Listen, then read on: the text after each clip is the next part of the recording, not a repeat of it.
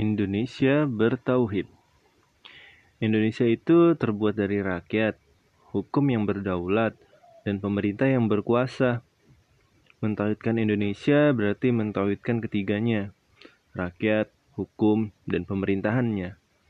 Mentauhidkan rakyat berarti menanamkan tauhid pada umat, menjauhkan mereka dari akidah dan syariah yang mempersatukan Allah. Mentauhidkan hukum adalah mendaulatkan syariat di dalam sistem hukum yang berlaku.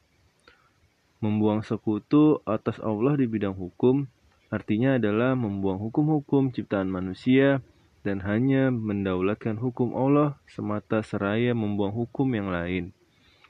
Mentauhidkan pemerintah adalah mendudukkan orang beriman sebagai pemimpin. Tidak sekedar pemimpin yang menjalankan ibadah mahdoh, tetapi pemimpin yang memimpin umat dengan hukum Islam. Mentauhidkan Indonesia adalah mentauhidkan ketiganya, seperti para khalifah mentauhidkan khilafah Rashidah ala haji nubuwah.